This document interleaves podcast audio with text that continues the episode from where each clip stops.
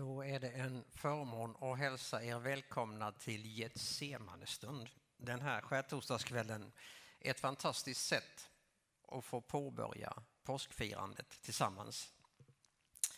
Och ikväll ska vi försöka följa med den där välkända vägen till Getsemane och påminna varandra om vad som hände i Jerusalem den första påsken. Jerusalem, den heliga staden med sån otrolig attraktionsförmåga. Några av er har säkert läst Selma Lagerlöfs Jerusalemfararna och läst de där som åkte från Nås och till Jerusalem. En del påstår att man kan drabbas av Jerusalemsjukan. Och jag kan nästan hålla med Anita Goldman när hon säger att Jerusalem det är den där staden som inte riktigt vill lämna henne. Som inte släpper greppet på något sätt. De gångerna jag har varit där så har vi bott strax innanför muren vid Jaffaporten i det judiska eller palestinskt kristna kvarteren. Nu, ikväll, så är vi långt tillbaks i tiden, någonstans på år 33. Jerusalem är redan då en helig stad. Det är dit man vallfärdar på påsken och nu de här dagarna så mångdubblas stadens befolkning. Det kommer folk från alla håll. Man kommer inte till att få plats innanför murarna. Man kommer till att få bo lite här och var och på olika sätt. Det är ett sorl överallt. Det sjuder av liv. Och vi ska följa med in i det ikväll. Och vi sjunger psalm 139.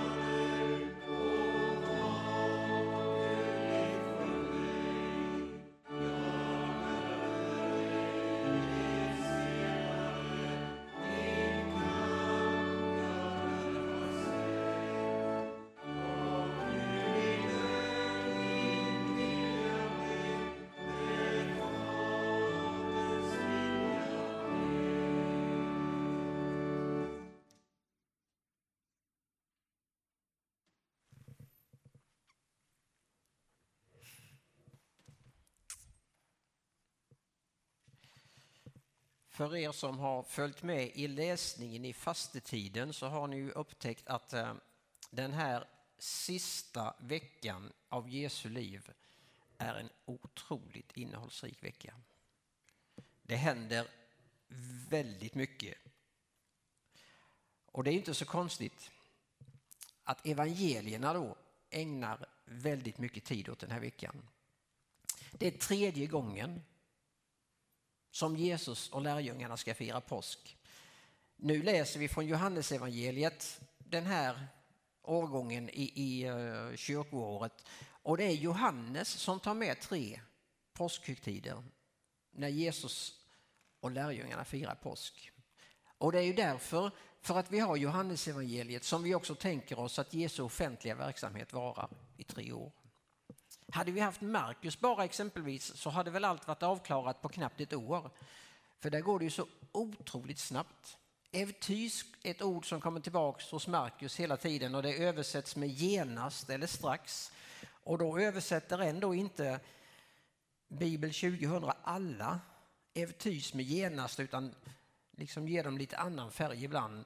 Så Marcus han är liksom snabb i steget hela vägen medan Johannes är lite mer av en mystiker och lite mer eftertänksam och han eh, berättar.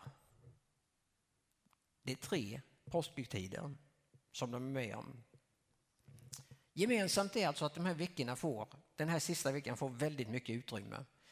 I Johannesevangeliet är det så att redan i trettonde kapitlet så flyttar vi över i den sista veckan. Så kapitel 1 till 12 får liksom rymma typ hela Jesu liv innan dess. Sen från kapitel 13 till 21 så har vi de sista veckan bara. Det börjar ju, ni vet, med den där berättelsen som ni kan läsa om i det trettonde kapitlet när ni kommer hem om ni vill. När Jesus kommer in i rummet och lärjungarna redan är där. Det är ingen av dem som ens har tänkt tanken att ta slavens eller tjänarens roll och tvätta de andras fötter. När Jesus kommer in så knyter han liksom handduken om livet, tar fram tvättfatet och tvättar lärjungarnas fötter. Det går bra ända tills han kommer till Petrus. Då säger Petrus, aldrig i livet, säger han. Det är jag som ska tvätta dina fötter. Då säger Jesus att Petrus, om jag inte tvättar dina fötter så har du ingen del i mig, då tillhör du inte mig, säger han. Och Petrus har vi ju lärt oss är lite impulsiv, lite snabb i tanken. Så då vänder han, han byter, som kungen säger, men vänder blad och säger han, då kan du tvätta hela mig, säger han. Varför inte tvätta hela mig? Och så fortsätter kvällen. Och Jesus ger dem sitt andliga testamente. Tre kapitel, 14, 15, 16 och sen det fjärde, den översteprästliga förbönen i det sjuttonde kapitlet. Och han påminner dem om vad som är det viktigaste av allt. Om kärleken till varandra och till Gud, framförallt i det femtonde kapitlet.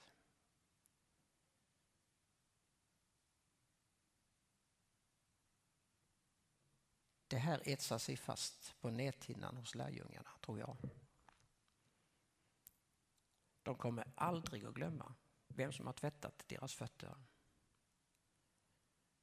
Men det märkliga händer att en av de tolv som har varit med tre år påstår Jesus ska förråda honom. Alltså det händer så mycket nu så lärjungarna är totalt omtumlade. Vad händer när vi tvättar varandras fötter? Vi satt hemma i Roland Hellstens vardagsrum. Och han berättade, det var när han var pastor i tabernaklet, att de hade under en period haft lite olika stationer och bön och så i kyrkan på fredagskvällarna.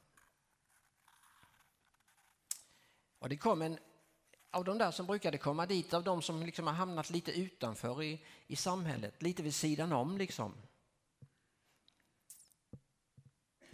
Och den första veckan när han tog av sig sina strumpor och skulle tvätta hans fötter så drog han undan dem igen och satte på sig strumporna och försvann ut. Det där, säger Roland, hände en fyra, fem veckor på rad. Sen plötsligt, efter några veckor, så fick de tvätta hans fötter och tårarna började rinna. Och han grät och grät och grät. Och någonting helades i hans inre. Och sen berättar han att under hela sin uppväxt så har han inte fått uppleva fysisk beröring någon enda gång på ett kärleksfullt sätt. Utan har det varit fysisk beröring så har det alltid skadat honom. Så det var därför han drog undan fötterna de där första veckorna. Men nu låter han Jesu kärlek tränga in i livet. Precis som Jesus masserade in sin kärlek i lärjungarnas liv så gör han det nu på 2000-talet också. Nu har jag gett er ett exempel, säger Jesus. Följ det. Jesus för världen givit sitt liv, psalm 45. Thank you.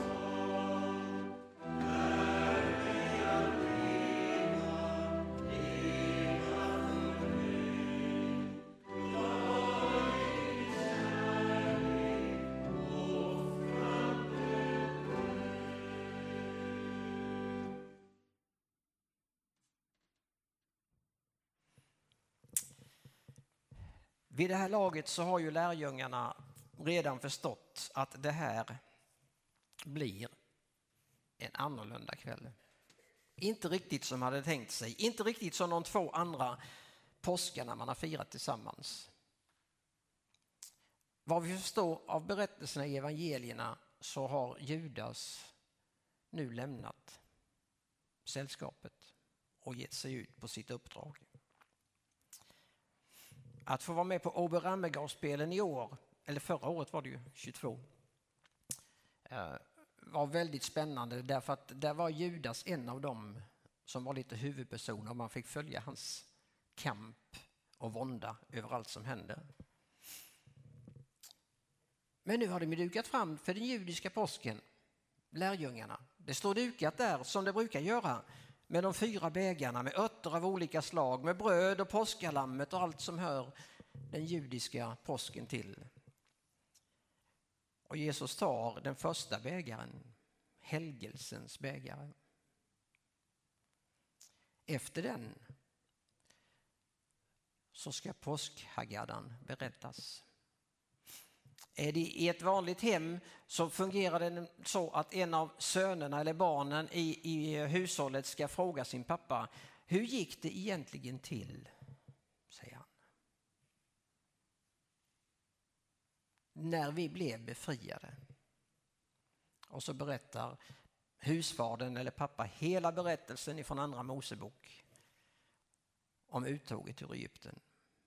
Med stor sannolikhet är det Jesus som berättar den berättelsen den här kvällen. Man kommer till andra bägaren som är räddningens bägare.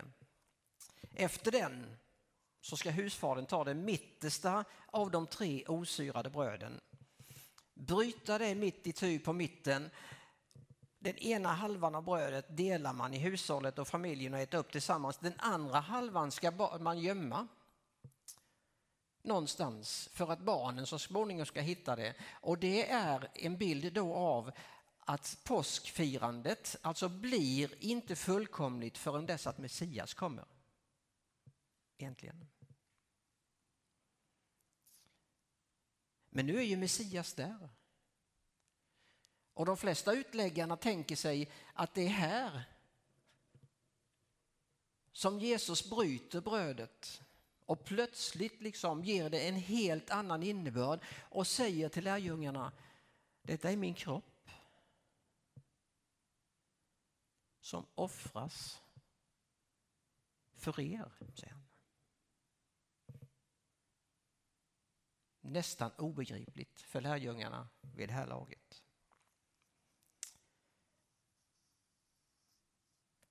Tredje bägaren man äter påskmåltiden, lammet, fruktmoset, örterna och brödet och sen tar man fram den tredje bägaren, välsignelsens bägare. Och det är då man tror nästa steg i nattvardsfirandet kommer.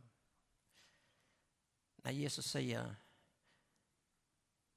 denna bägare är det nya förbundet genom mitt blod. Var gång ni dricker av den så kommer ni att göra det till minne av mig. Så finns det en fjärde bägare som är rikets bägare. Den där som, som vittnar om det som ska komma och då är det ju så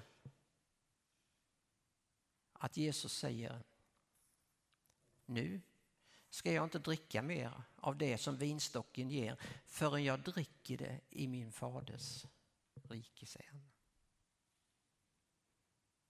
Här får nattvarden en helt annan innebörd, påskmåltiden. Och ikväll får vi fira nattvarden. Och jag tänker att vi gör det här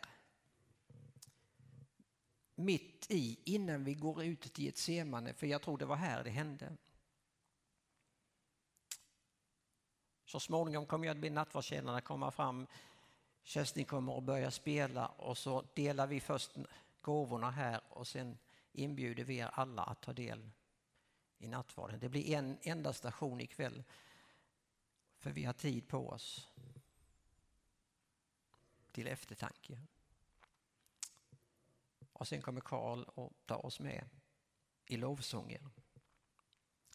I Matteusevangeliet så skriver Matteus. Medan de åt tog Jesus ett bröd och efter att ha läst tackbönen bröt han det och gav åt sina lärjungar. Och han tog en bägare och efter att ha tackat Gud gav han det åt dem och sa drick av den alla.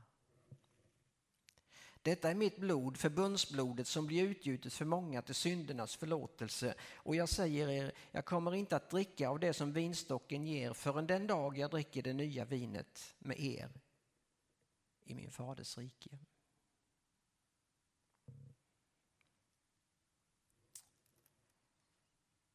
Så är ju Jesus Kristus även den här skärtorsdagskvällen mitt ibland oss. Och det är han som inbjuder oss att ta del i den heliga måltiden. Måltiden då han ger sig själv åt oss. Då han för oss in i en djupare gemenskap med varandra och då han utrustar oss för tjänst och för vittnesbörd.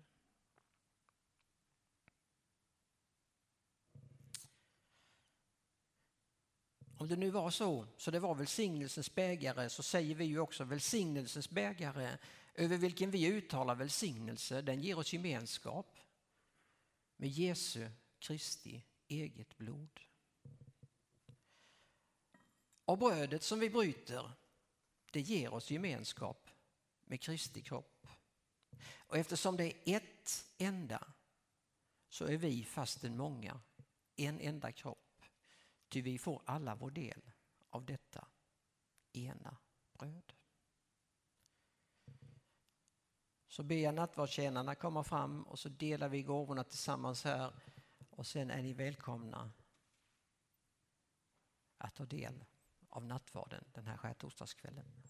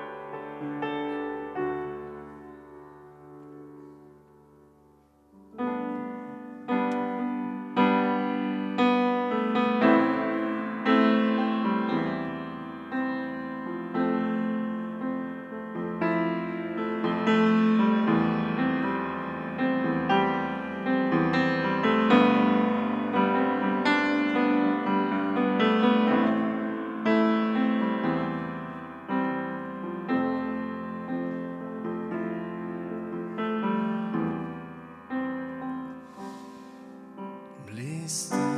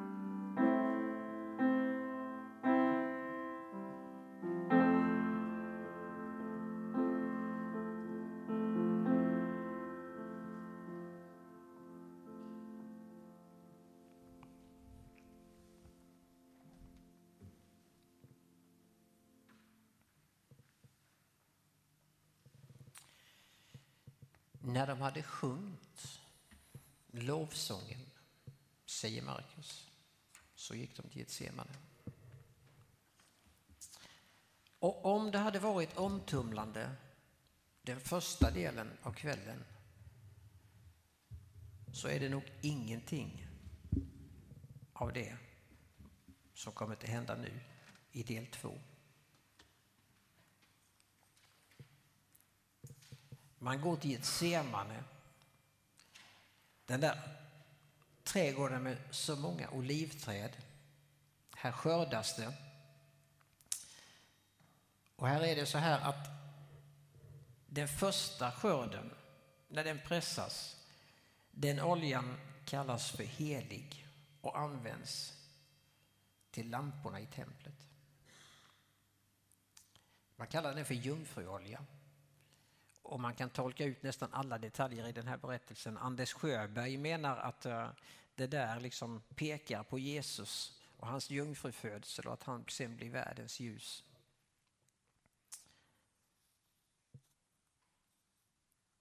Han lämnar lärjungarna, tar med sig tre av dem lite längre fram och så säger han till dem, Vaka med mig, säger han.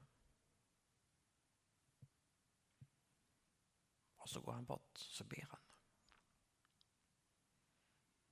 När han kommer så har de somnat de där tre som har brukat få följa med honom, den där innersta kretsen.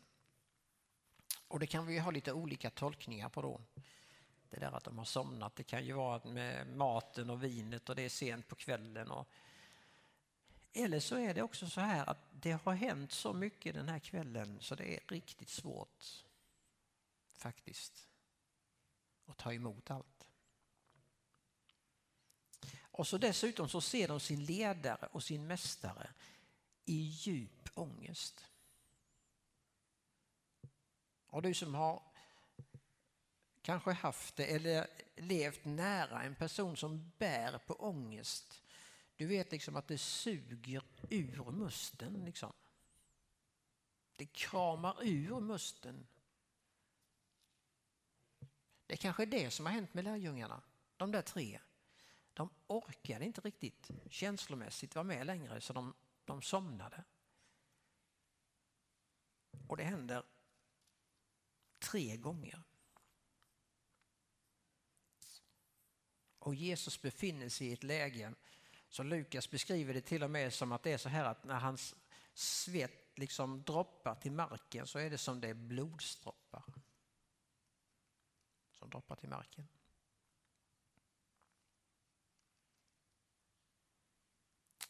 Och Jesus säger om det är möjligt, säger han. Om det är möjligt så kan jag väl få slippa.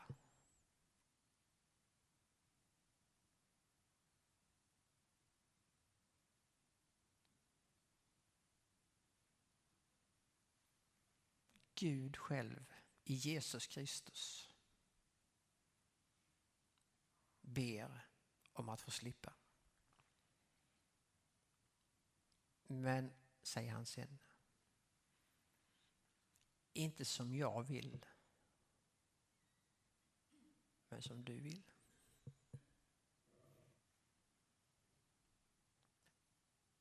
Det är som du har ett förstoringsglas med dig ut en solig dag. Och så samlar du liksom solens strålar med förstoringsglaset och får den där lilla punkten på en träbit och rätt som det så börjar det brinna. Det är ju ungefär som om hela världens synd och ondska samlas i en enda punkt.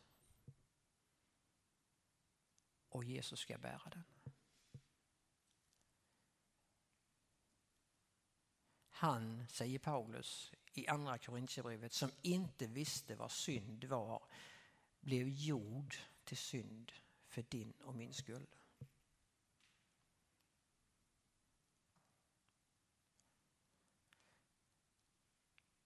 Det där är ju, om man har varit uppvuxen i SAM som jag har, så är det ju ett älsklingskapitel för de där gubbarna som har varit i SAM. Paul Wern och Stig Wikström och alla de där. Andra Korintierbrevets fem och försoningens hemlighet. Men det är klart att det hade ett pris. Din och min frihet.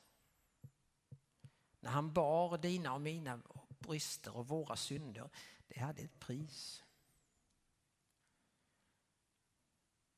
Och någonstans mitt i kampen och mitt i mörkret och våndan så tänker jag en skärtorsdagskväll, vad är den grundläggande tonen? Och jag tänker att det är tacksamhet. Det är tacksamhet. Han fullgjorde vad vi borde och blev vår rättfärdighet. Det spelar roll för oss och så kan vi låta det sjunka in. Han fullgjorde vad vi borde och blev vår rättfärdighet.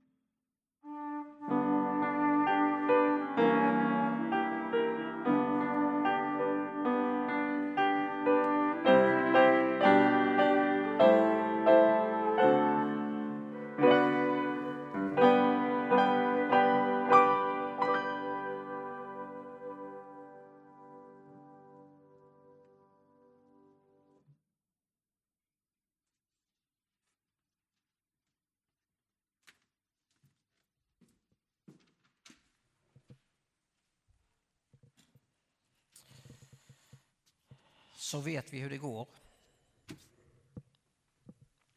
Judas har tagit med sig soldaterna och hela pöbelhopen som väller in i Getsemane. Petrus drar sitt svärd och hunger av översteprästen tjänaren Malkus örat.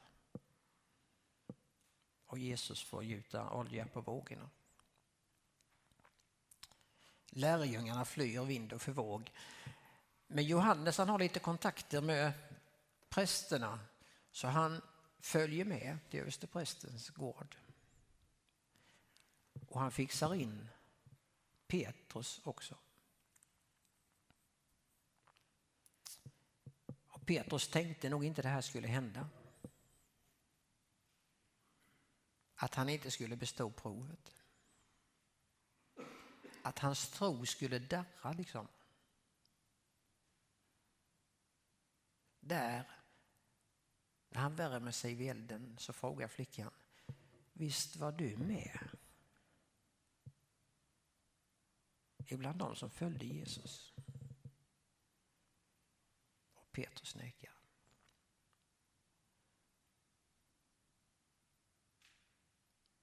Det händer ju tre gånger, det vet vi.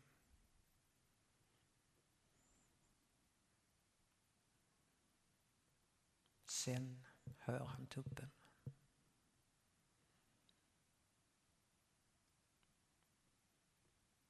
Och Petrus, hela världen rasar ihop. Det är svart. Det har aldrig varit så här svart. Det är mörkt. Och det är det nog för alla lärjungarna vid det här laget. När de lämnar skärtorsdagskvällen.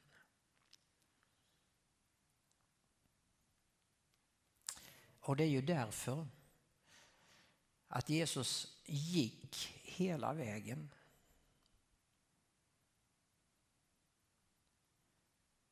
Som han också kan förstå när vi hamnar där och det blir mörkt.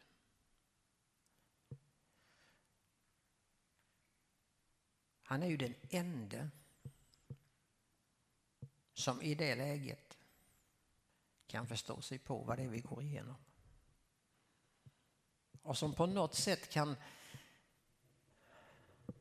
kanske mitt i mörkret vara den guiden och tända det ljuset som man behöver.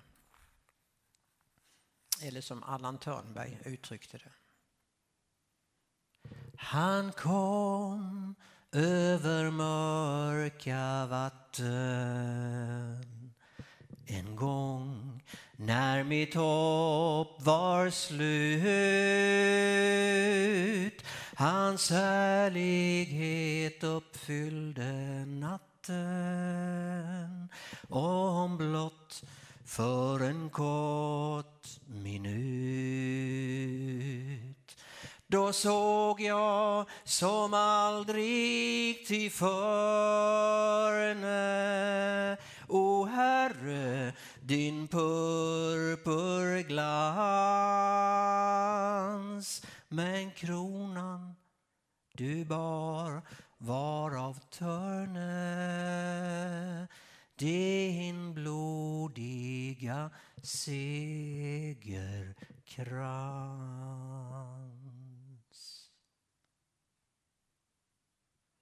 Och någonstans där borta dit Ulrika ska ta med oss imorgon. Någonstans där borta, på en avlägsen höjd, så ser man att det står ett grovt, dystert kors.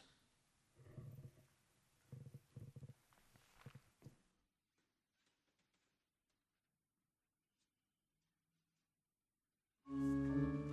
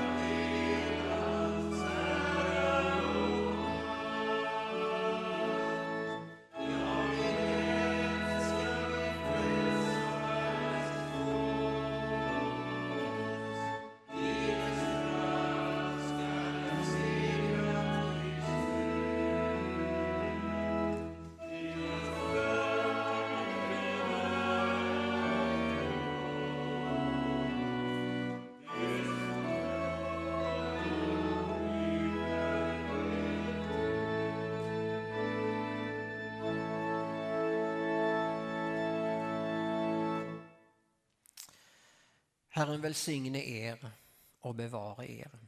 Herren låter sitt ansikte lysa över er och vara er nådig. Herren vänder sitt ansikte till er och give er frid.